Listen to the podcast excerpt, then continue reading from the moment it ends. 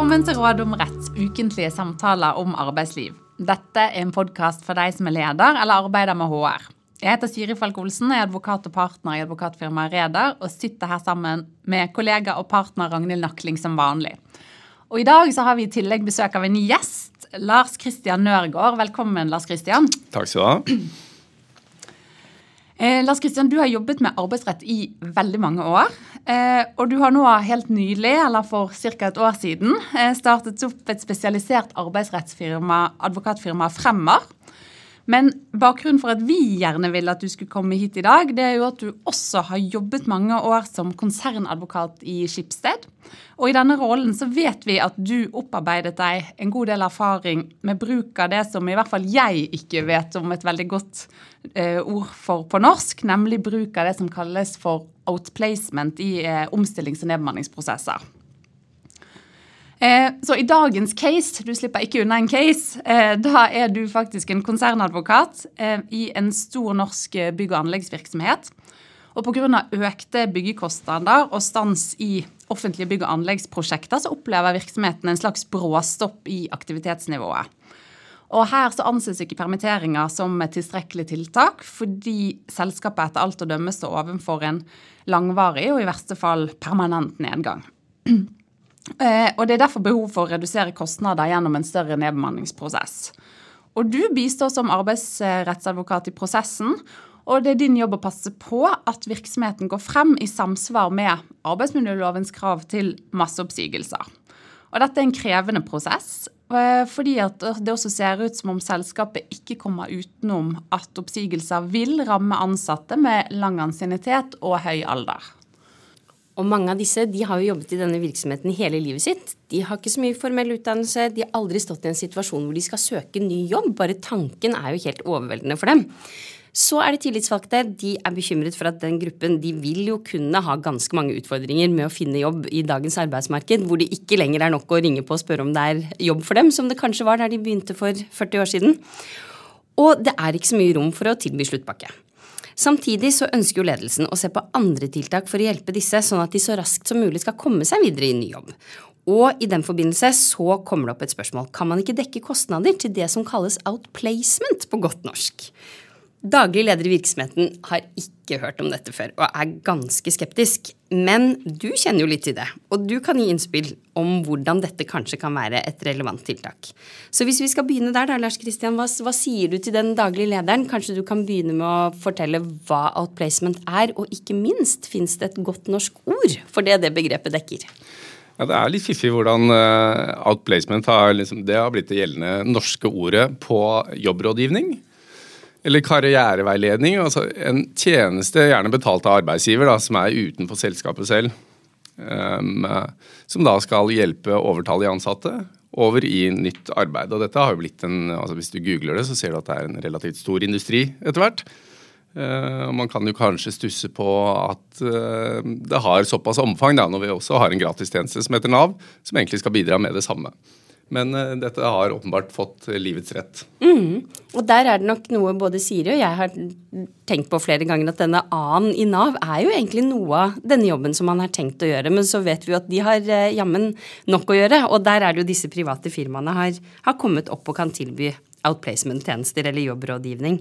Men kan du si litt om, når du er inne på det, hva, hva gjør de? Hva er det du som arbeidsrettsadvokat skal på en måte selge nesten nå innad da, til daglig leder som ikke har hørt om dette engang? Mm, ja, i, i, dette, i denne podkasten så vil det nok skinne gjennom at jeg er relativt positiv til det, men jeg har vært negativ. Så, så hva de skal selge, eller hva de skal få ut av dette, det er jo eh, De får en goodwill ut av det, fordi um, arbeidsgiver med dette grepet viser at de er opptatt av at de ansatte skal over i nytt arbeid. Det er et sånn ytre gode rundt dette elementet. Uh, og det de får hjelp til, er egentlig uh, veldig profesjonell rådgivning på å hjelpe enkeltpersoner uh, over i nytt arbeid. og de konkrete tjenestene er jo å sette en overtallig arbeidstaker i stand til å finne nytt arbeid. Og da starter de ofte De har et ganske sånn likt system da, med at de kartlegger kompetanse, det er CV-trening, det er intervjutrening og hjelp til å finne den riktige jobben. Og sånn så, altså I dette caset, det, det vil jo i en del, i hvert fall en del større nedbemanningsprosesser, eh, så vil det jo nettopp kunne være denne gruppen som vi snakka litt ekstra om her innledningsvis. Eh, kanskje, kanskje, ansatte som blir overtallige eller mister jobben, som aldri tidligere har vært i den situasjonen eh, at de må finne ny jobb. Og kanskje også sånn, mangler lite formell utdannelse, opplever dette som utrolig overveldende eh, og krevende, og er veldig bekymret for eh, muligheten til å finne ny jobb. Hvordan kan et sånt outplacement-firma typisk hjelpe de spesielt, da? For det er jo kanskje Mange vil vel kanskje tenke at de har særlig, vil kunne ha særlig nytte av dette?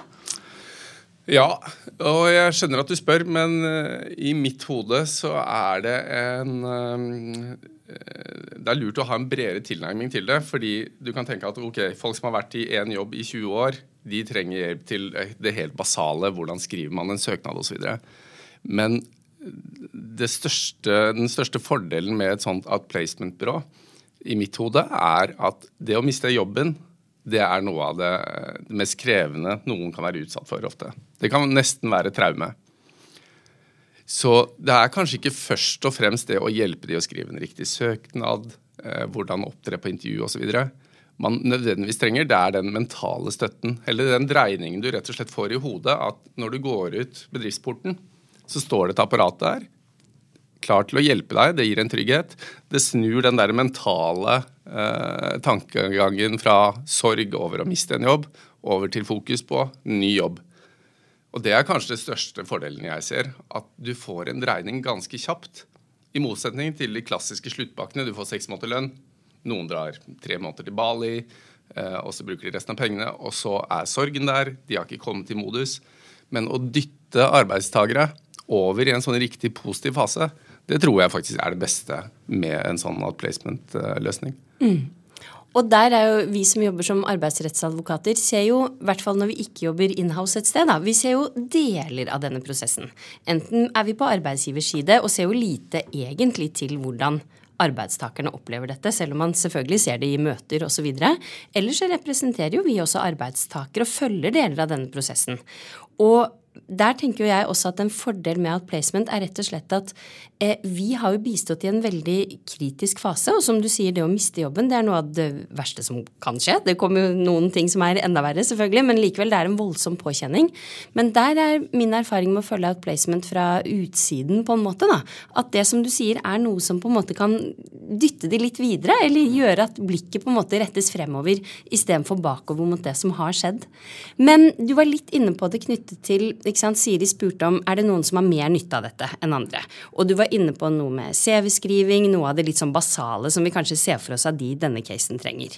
Men hva med hvis vi gjør det litt vanskeligere for oss selv, da, og snakker om f.eks. noen som tja, de har kanskje jobbet i denne virksomheten i fem år.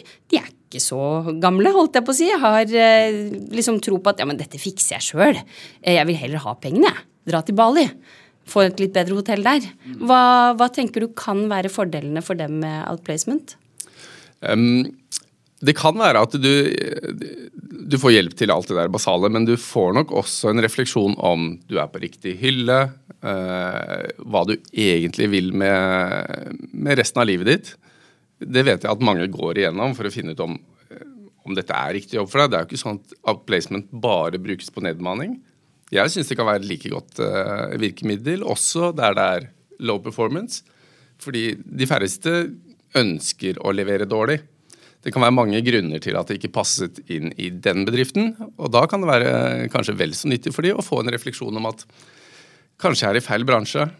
Kanskje jeg skal prøve noe annet. Kanskje mer studier er greia for meg. Mm. Mm. Det er et veldig godt innspill. Og dette med mangelfulle arbeidsprestasjoner er jo noe vi har tatt opp som temaer i flere eh, tidligere podkastepisoder. Det var en, en, veldig god vinkling å ta outplacement opp som et mulig tiltak i de situasjonene også, eller et virkemiddel. da. Mm. Um, nå har du sagt det, det andre, da har du snakket om sånt nedbemanninger som dette er omstillingsprosesser.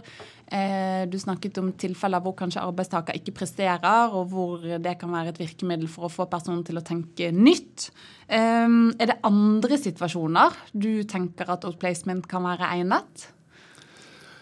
Ja, altså, dette er jo det er et godt virkemiddel. så du, du, kan være i mange situasjoner hvor du kan tenke at denne personen kan trenge enten det praktiske eller kanskje en hann å holde i når du er på andre sida. Eh, eller en refleksjon rundt om eh, har jeg valgt det riktige. Så, så, det tror jeg blir en sånn konkret vurdering, som vi ofte sier i jussen. Er det passende i dette tilfellet? Men du kan si hvis, hvis jeg hadde drevet et IT-selskap med masse utviklere som var superattraktive, de får seg jobb den dagen de går ut døra så er jeg ikke sikker på om jeg hadde brukt det. Så man må jo bruke hodet også og se om det er et, et virkemiddel som har effekt.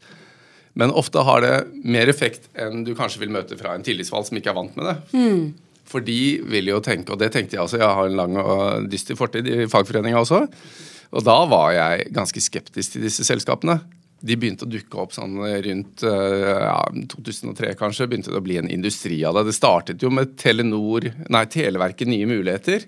Altså, Telenor, når de ble det, skulle jo nedbemanne. Det var jo 4500 som ble sluset gjennom det systemet med vekslende hell, og kanskje med et stigma på at man måtte gå til dette her selskapet. Altså det, vi har ikke sett så mange sånne interne outplacement-løsninger siden uh, Televerket Nye Muligheter.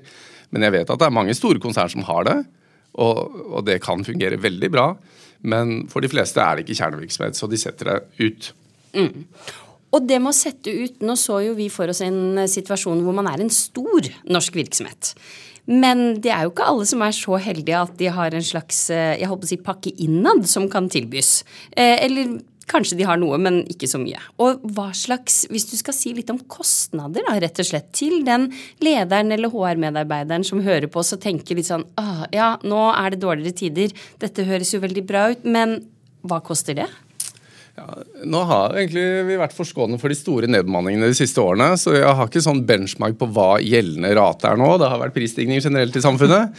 Eh, men min erfaring er for rundt 50 000 så kunne man få en helt grei eh, pakke. Mm. Og så har jeg også en erfaring at jeg har bistått mindre arbeidsgivere som kanskje sier det, det er altfor mye for meg. Og da kan jeg si ok, hva har dere å bruke, da? Så skal jeg ta en runde.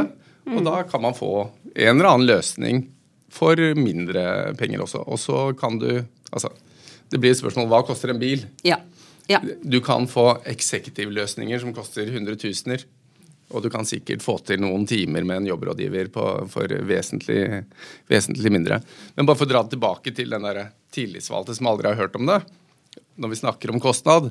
Da jeg var i fagforeninga, så tenkte jeg et selskap har denne eh, bunken med penger de skal bruke på nedbemanning. Hvorfor skal eh, jobbrådgivningsselskapet ta 50 000 av det? Det skal arbeidstaker få, og så får de selv bestemme om de vil bruke det. Det var min tanke da. Um, det har gått litt vekk fra. Og hvorfor det? Kan ikke du si litt om det? For det er jo en tanke som vi opplever kanskje at en god del har enda. Ja. Og den tanken er jo egentlig god, for vi må jo ha tro på at den ansatte selv vet sitt eget beste. Men dessverre så er det ikke nødvendigvis sånn. Ehm, de pengene blir ikke kanskje brukt på det å få seg ny jobb. Det blir brukt på det umiddelbare behovet, betale ned på lånet f.eks. Eh, eller skape seg noen gleder i livet. Så det å legge det inn som ikke et valg, men som noe du må ta Hvis ikke du tar det, så får du ikke vekslet dine penger. Så, så tror jeg vi tvinger de over å få det dyttet som man trenger, som virker litt sånn krevende når du har mistet jobben. I tillegg skal du møte på et eller annet kontor og snakke med en eller annen fyr du ikke kjenner. og Du er ikke der, tenker du ofte. Men vi ser at det hjelper. Så Da jeg var konsernadvokat, så var jeg ganske opptatt av at dette kan ikke veksles inn i penger. Du, det er ikke tvang, men, eh, men, et element i denne pakken er at vi ønsker at du tar den. Og eh, det er jo sånn at ingen av oss jobber i disse Old Placement-selskapene. Men og sånn sett kan ikke vise til forskning, men har du likevel en erfaring knyttet til at de som bruker dette som et eh, virkemiddel, raskere kommer i ny jobb? Ja, eh, det er jo den store gleden med å være inhouse-advokat. At du får, i hvert fall i et stort konsern, så får du mange ansatte du jobber med, og du kan begynne å samle tall. Så du begynner å få et erfaringsgrunnlag. Og det syns jeg er superinteressant. For da ser vi at det hjelper, men vi har ikke gjort noe sånn AB-testing. Vi har ikke gitt noen outplacement og noen ikke. Så jeg vet, jeg har ikke noe forskningsmessig belegg for det jeg sier. Men jeg ser jo på tallene hvor lang tid det tar før ansatte kommer seg i jobb. På, innen forskjellige yrkesgrupper, innen forskjellige aldersgrupper, som er veldig interessant. Og Det bringer oss egentlig kanskje over på det viktigste til arbeidsgivere der ute. da den eh, casen snakker om en bedrift med små ressurser til sluttpakke. Til denne daglige lederen, til henne ville jeg sagt OK, du har kanskje midler til sluttpakker på seks måneder. Jeg mener at hvis vi bruker riktig outplacementbyrå, så kan du øke den pakken med kanskje 50% Du kan tilby trygghet i ni måneder. Fordi jeg vet at eh, hvis vi legger inn elementer, at det er trygghet og ikke en pengesekk du tar med deg ut av selskapet. Og trygghet er jo det sentrale. Vi skal hjelpe ansatte over til ny jobb. Man skal ikke nødvendigvis tjene masse penger på nedbemanning, for det er ikke noe morsomt for selskapet heller. Men hvis vi sier du har trygghet i ni måneder når du får deg en ny jobb, så, så stanser ytelsene fra oss. Gjerne med en liten sånn oppside da, hvis du får deg kjapp jobb. Eh, når jeg har data på det, så ser jeg at i snitt en 44 år gammel mann bruker 3,9 måneder på å få seg ny jobb ved bruk av dette outplacementbyrået. Mm. Jeg kan helt fint si til han at du har trygghet hos oss i ni måneder.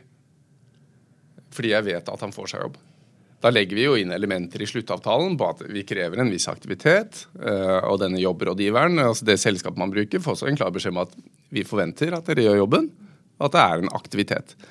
Men så lenge det er aktivitet, og sånn arbeidsmarkedet har vært Dette vil jo svinge ut fra hvordan arbeidsmarkedet er, men normalt De aller, aller fleste finner seg jobb i løpet av tre, fire, fem måneder. Og Det interessante når vi ser på data, vi kunne samle data fra mange, mange hundre, er jo i diskusjon med tillitsvalgte hører vi ofte at de eldre de må få en mye bedre pakke, for det er helt umulig for en 55-åring å få seg jobb. Når vi samler inn data, så vi, Nei, det er tull. Hmm. Fordi de som bruker lengst tid, er de kravstore mellom 25 og 35. De skal bygge karriere, de venter på den rette jobben. Um, de eldre de skal sikre seg inn gjerne en AFP-bedrift, f.eks. Uh, så de bruker kortere tid. Så det er jo de, de, unge kravstore som bruker lengst tid. Ja, Og jeg syns jo det var veldig opp, altså, oppmuntrende tall, da. Eh, det er jo, som du sier, å ha en sånn eh, randomisert, eller hva det heter, test hvor liksom noen ikke får dette, hadde jo nesten vært spennende å gjøre, men ganske mm. uetisk. Mm. Men er det noen av, og du har jo naturligvis ikke erfaring fra alle bransjer, men av de du har, var det mange som gikk over i nye bransjer? Fordi her har vi jo også, hvis vi tenker litt på, nå tenker vi oss at vi er i liksom, bygg og anlegg, og veldig mange har jobbet der i alle år, ser jeg kanskje at ja, men det er dette jeg kan. Eh, og noe, i hvert fall mitt inntrykk av det outplacement-byråer kan bistå med, er jo egentlig å både løfte blikket og, og vide det ut. Har du mm. noen erfaringer med det? Ja da, og det, vi fulgte jo også eh, hvor de gikk, så vi kunne se hvordan de skifter bransjer. Og det skal jo sies at eh, den eldre guide, kanskje særlig hvis, vi, hvis jeg bisto industribedrifter Hvis du jobber med telefax eller du jobber med fasttelefon, så er det klart at du må eh, heve blikket og se utover den konkrete bransjen eller den, eh, den kunnskapen du har, isolert på det. Så da så vi at veldig mange måtte skifte beite. Um, de yngre de, um, de, holder seg stort sett innenfor liksom, De skal bygge den karrieren ut fra den kompetansen de har, og har ofte ny kompetanse. Mm. Uh, så det skjedde en stor dreining på de eldre. Mm. Mm. Og et annet interessant funn her var jo at når vi sammenfattet informasjonen fra alle disse prosessene, så var vel suksessraten Det var 96, et eller annet prosent som var i ny jobb. Eh, i, løpet av programmets varighet. Ja, Veldig bra. Ja. Veldig imponerende. Og da typisk, hvor lange programmer snakket man om da? Nei, det jo, skal man også tenke på når man ja. kjøper disse programmene. Det vi gjorde i Skipsted, som jeg vil anbefale, og for denne daglige lederen i vår case, så skulle man kanskje hatt en tidsmaskin, er å i fredstid koble seg opp mot noen selskap og ta med tillitsvalgte i den prosessen. Vi hadde sånn beauty contest. Inviterte eh, ti forskjellige byråer som hadde 15 minutter på å presentere seg, hvor også tillitsvalgte sitter og ser er dette match. Mm. For det skal være en match. Mm. Og det gjelder både på selskap og også på den rådgiveren den enkelte får. Det burde være elementer at det skal funke. Hvis ikke skal man kunne velge en annen rådgiver. Mm. Uh, fordi det er så viktig, den der personkjemien også. Mm. Og litt interessant når du sier dette med sant, Dere inviterte dem, og i stad så sa du også at Og vi ga jo uttrykk for vi forventer at disse her er i jobb igjen. Mm. Um, det kan jo da være et lite spenningsforhold også mellom ikke sant, Dette outplacement-byrået er da, eller selskapet, eller hva man kaller det da, men de er jo da engasjert av en arbeidsgiver mm. som de sannsynligvis håper at vil kontakte dem igjen ved senere nedbemanninger. Mm. Eh, men de skal jo også yte service overfor de konkrete personene som sitter der og finner noe som er bra for dem. Ny jobb er jo alltid bra. Ja. Men har du noen tanker om litt eh, ja, spenningsforholdet de kan sitte i der? Hvem er, hvem er deres eh, kunde, egentlig? Ja, det, og det er et godt spørsmål. Det handler om kommunikasjon for vår del. For vi, jeg opplevde en sånn ganske uh, markant aversjon i utgangspunktet mot disse her som kommer inn. Er, de, noen av de kan jo fremstå litt glossy. Noen kommer med 3700 Som advokater. Ja. ja. noen hadde uh, et vell av e-læringsmoduler jeg tror kanskje ikke det er det altså, vi må ha, Her skal det være varme hender og tett på i, i begynnelsen, og så kan man sikkert hente ut noe e-læringslærdom etter hvert. Men eh, så det innsalget, og ikke minst ha tillitsvalgte med forståelse for at dette funker, og etter hvert så begynner man jo å få tall som viser at det funker. Mm. Og så er det ikke så dumt for arbeidsgiver å kreve at de også eh, rapporterer på tilfredshet hos brukerne. Mm. For å sikre at ja, man blir ikke dytta over en jobb man ikke vil ha fordi at placementbyrået skal please mm. den som betaler regninga. Mm. Mm. Men eh, den enkelte må være fornøyd, og det målte vi de på. Og ja. de var superfornøyd. Og det var gjengs over. Vi, jeg har erfaring fra mange av disse, for jeg krevde den samme rapporten fra alle. Og gjengs over så var de strålende fornøyd, disse arbeidstakerne. Det er veldig morsomt å høre om, og litt inspirerende, som Ragnhild eh, også sa. Eh, nå har jo du vært litt inne på det, eller du har fått snakket om din egen utvikling rundt eh, synet på outplacement. Eh, og vi erfarer jo ikke helt sjelden eh, at arbeidstakere sant, som står i en sånn situasjon, er nettopp litt sånn skeptisk til dette. De har aldri hørt om det før. Eh, det fremmede ord, eh, liksom du var inne på. Ned på et kontor i en livskrise og snakke med en person jeg ikke kjenner. Det, veldig mange tenker sånn Dette har jeg ikke bruk for. Hva vil du si til de i den situasjonen? Hva, hva på en måte er det, den viktigste liksom, det viktigste argumentet for å få de til å skjønne at dette kan være verdt å prøve? Uh, det spørs når du eh, snakker, for nå tenker vi opp imot arbeidstakerne som nå ja. dessverre har ja. mistet jobben. Um, jeg tror det er en litt lang prosess, fordi sånn som i det konsernet jeg jobbet, så ble det etter hvert ufarlig. Det var et element som lå inni alle pakker. Mm. Uh, så det var bare noe som var der. Det ble innarbeidet, liksom. Ja. Mm. Um, fordi det Jeg skjønner skepsisen. Og jeg skjønner at eh, der og da så tenker man skal jeg bli dytta inn i dette også, så er det det siste liksom, stikket til meg, at jeg ikke klarer å finne meg jobb på egen hånd. Det, igjen, dette er ikke just, dette er kommunikasjon. Eh, la de få møte eh, disse byråene. De, det krevde vi. Det var allmøter hvor de måtte stå opp foran de ansatte og fortelle hvordan jobber vi, eh, hvilken eh, suksessrate har vi.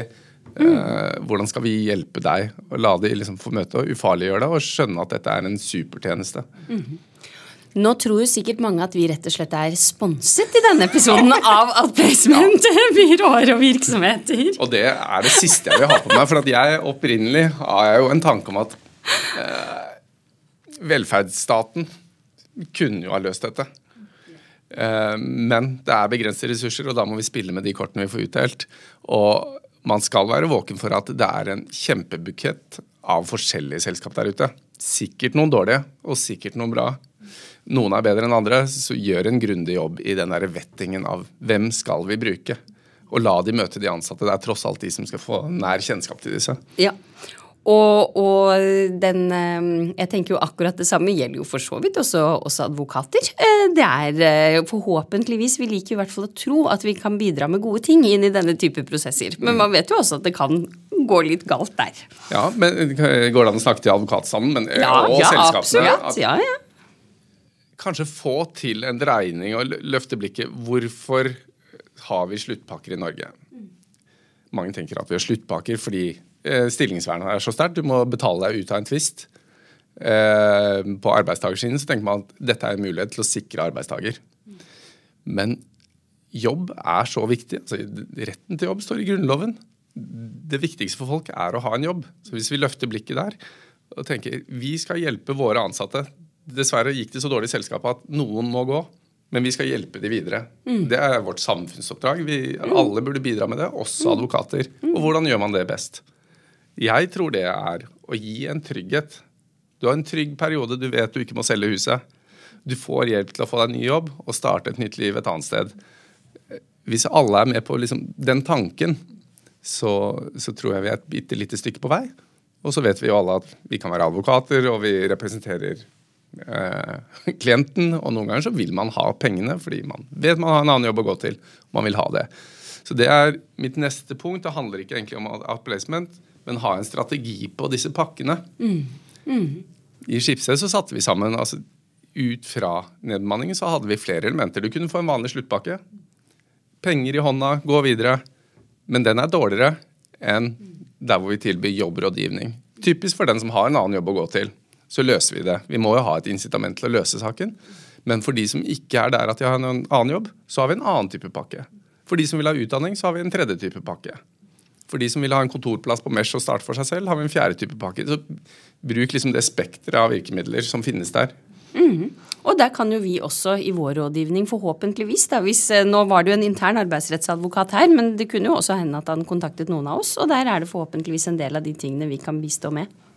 Eh, og nå begynner vi å nærme oss en avslutning, Lars Kristian. Men kan du eh, si helt kort, eh, selv om ingen av oss er skatterettsadvokater, og vi gir ikke skatterådgivning, men det er likevel noen sider ved bruk av outplacement og skatt. Kan du si noe helt overordnet om dette? Ja, eh, alle burde gå inn i lignende-AVC-en før man gir sånne råd. Men generelt så, så er, i hvert fall sist jeg sjekket, så løper det ikke noe skattebyrde på arbeidstaker som benytter seg av dette. Det ligger vel under 5-15-12 eller noe sånt i forskriften. At dette går under det som er skattefri støtte til en form for utdanning, da, med sikte på å få seg nytt arbeid. Um, så for arbeidsgivere der ute så burde vi kanskje gå på eh, hvorvidt det foreligger fradragsrett, da, for det vet jeg det har vært noen tvister på. Mm. Nei, men Et viktig poeng som i hvert fall vi opplever at en del er opptatt av, er jo at det kan da i hvert fall for arbeidstaker være en skattemessig gunstig ytelse å få. Mm. Ja, Uten at vi skal gå nærmere inn på det skatterettslige der. Men da har vi snakket om veldig mye. Eh, Lars Kristian, veldig interessant å lytte til det du har å si. Kan du forsøke å oppsummere det vi har snakket om i dag, med tre tre, hva er de tre viktigste tingene de som har lyttet til oss, bør huske om dette temaet? Ja, det første jeg vil si, er løft blikket. Hvorfor skal vi eh, sette av disse pengene til eh, omstilling? Hvordan skal, er de best benyttet? Og Da tror jeg at man skal vurdere om også at placement kan være riktig. Det skaper en mental endring som jeg tror har en kjempeverdi, som man ikke tenker på umiddelbart. Man tenker på den derre CV-skrivingen, altså den jobben mange kan google seg til. Men det er, det er ikke det som er liksom the selling point for min del. Um, ha med tillitsvalgte i den vurderingen. Få de ansatte med på at dette er faktisk bra. Det er ikke et eller annet sånn sleip virkemiddel for å sno seg unna og kjøpe noe billig goodwill et eller annet sted. Det har en effekt. Uh, og gjør en grundig sånn, sjekk av hvem du bruker for det fins veldig mange der ute. Det er veldig lett å kalle deg eh, outplacementbyrå. Hvem som helst kan starte opp og si jeg hjelper ansatte over i ny jobb. Men eh, der ville jeg nok bedt om noe mer informasjon. Takk. Det var det vi hadde i dag, og tusen takk for at du ville komme, Lars Kristian. Vi kommer tilbake med nytt tema og nye tips i neste episode.